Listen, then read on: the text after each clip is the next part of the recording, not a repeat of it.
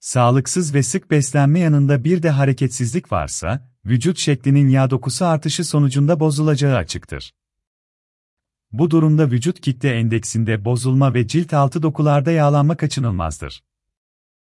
Liposuction için ideal hasta, diyet ve egzersize rağmen belirli bölgelerdeki yağ dokularını eritemeyen hastalardır. Genetik olarak belirlendiği şekilde bazı kişilerin belirli bölgelerinde, basen, bel, karın yağ dokusu artışı olmaktadır. Kişiler ne kadar kilo verirlerse versinler bu bölgelerdeki yağ dokusu erimez. Bu durumda yapılacak tek yöntem liposuction'dır. Bunun başarılı olması için bazı kriterler mevcuttur.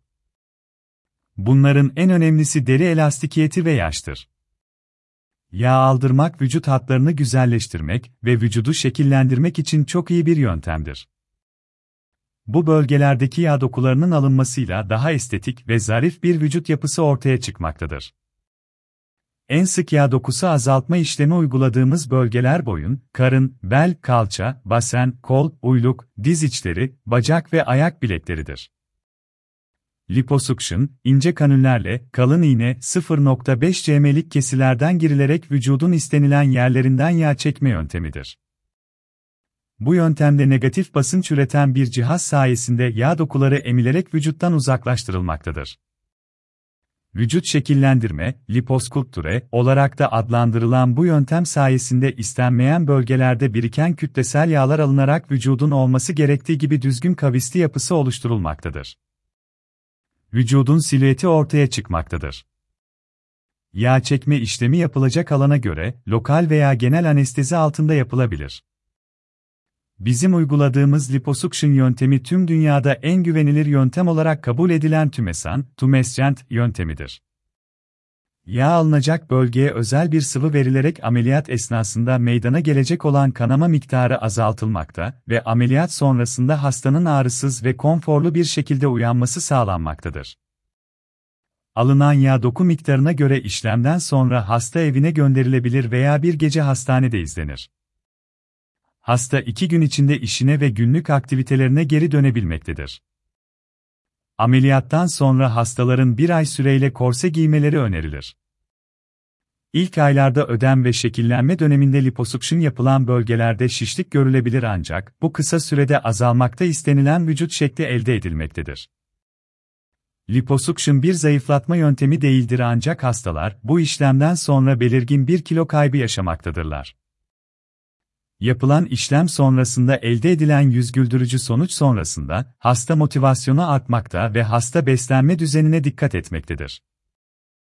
Bunun yanı sıra hastalar spor yaparak vücut şekillendirme safhasında ameliyat sonuçlarına olumlu yönde etki edecek bir hayat tarzını benimsemektedirler. Liposuction sonrasında ortama salınan bazı maddelerin de vücut metabolizmasına olumlu etkilerde bulunarak zayıflamaya katkıda bulunduğu da bilinmektedir. Lazer liposuction nasıl bir yöntemdir?